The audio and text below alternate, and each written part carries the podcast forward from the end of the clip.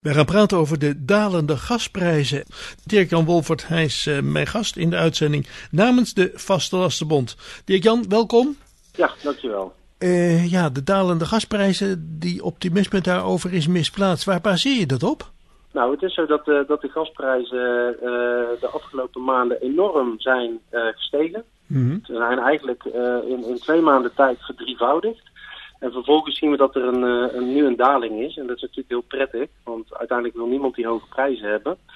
Maar om te beweren dat die daling door gaat zetten en hè, dat we vorig, volgend jaar eigenlijk weer een beetje naar de, naar de energieprijzen gaan van um, uh, voor de, de oorlog in Oekraïne. Ja, dat is eigenlijk veel te optimistisch. En dat heeft ermee te maken dat we hebben op dit moment, dit jaar, hebben we onze gasopslagen nog goed kunnen vullen.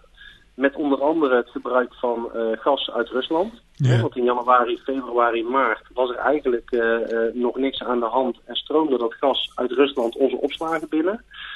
Maar inmiddels zijn we afgeknepen van het Russische gas. Dus volgend jaar moeten we die opslagen weer vol krijgen. Maar hebben we niet dat gas uit Rusland wat we afgelopen jaren wel hadden. Ja. En, en daardoor is de, mijn inschatting dat de gasprijs volgend jaar eerder zal gaan stijgen dan dat die zal gaan dalen.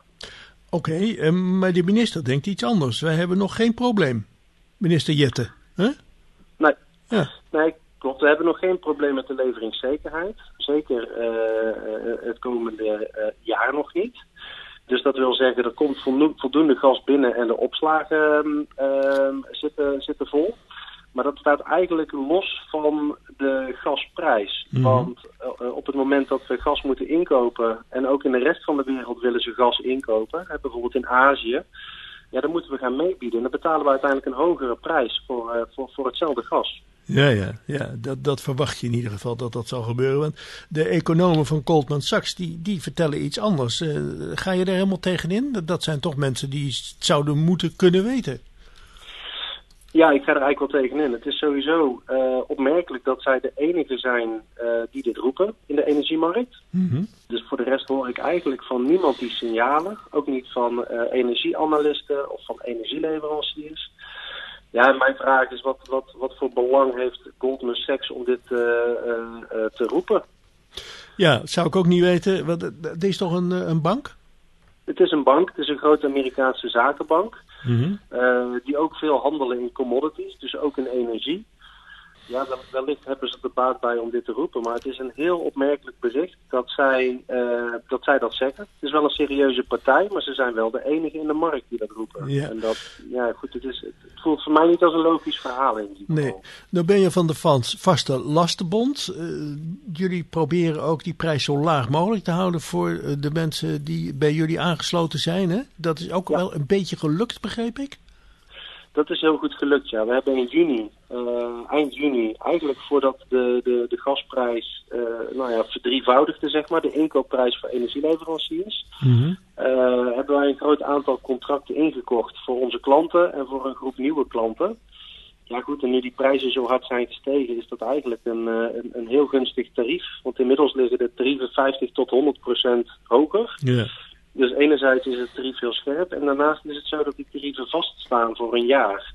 Ja, dat, is ook, dat is ook heel uitzonderlijk, want alle leveranciers bieden op dit moment alleen maar variabele tarieven aan. Ja, en daarvan horen we eigenlijk uh, alleen maar elke maand of elk kwartaal dat ze, dat ze weer omhoog gaan. Ja, ja, dus die mensen zijn spekkoper. Die zijn spekkoper, ja, absoluut. Ja, ja, ja. ja, Even iets, nog iets anders. Is het niet heel raar dat wij op een hele grote gasbel zitten en geen gas genoeg hebben? Ja, dat, uh, dat, is, dat is wel heel raar. Er zijn heel, er zijn heel veel landen in Europa, maar ook Amerika, die dat natuurlijk niet begrijpen.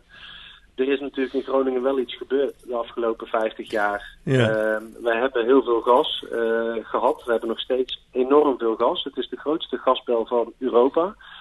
Maar in Groningen is de grond aan het verzakken. Mm -hmm. um, ja, en dat brengt uh, gevaar met zich mee voor de mensen die in Groningen wonen. Er zijn ook nooit goede compensatieregelingen geweest. Nee. Er is altijd gezegd van nou ja, het, het ligt niet aan uh, de gasboringen. Nou ja, achteraf bleek dat het wel aan de gasboringen lag. Dus ik denk als we daar wat voorzichtiger mee om waren gesprongen, met meer respect voor de Groningers, en we dat gas wat, wat langzamer uit de grond hadden gehaald, dat we daar nog, nog steeds toegang toe hadden. Maar ja, goed, dat, dat hebben we eigenlijk een beetje verpest. Ja, en dat is een beetje gepasseerd station dus. Dat, ja, eigenlijk wel, ja. ja veiligheid gaat toch voor. Ja.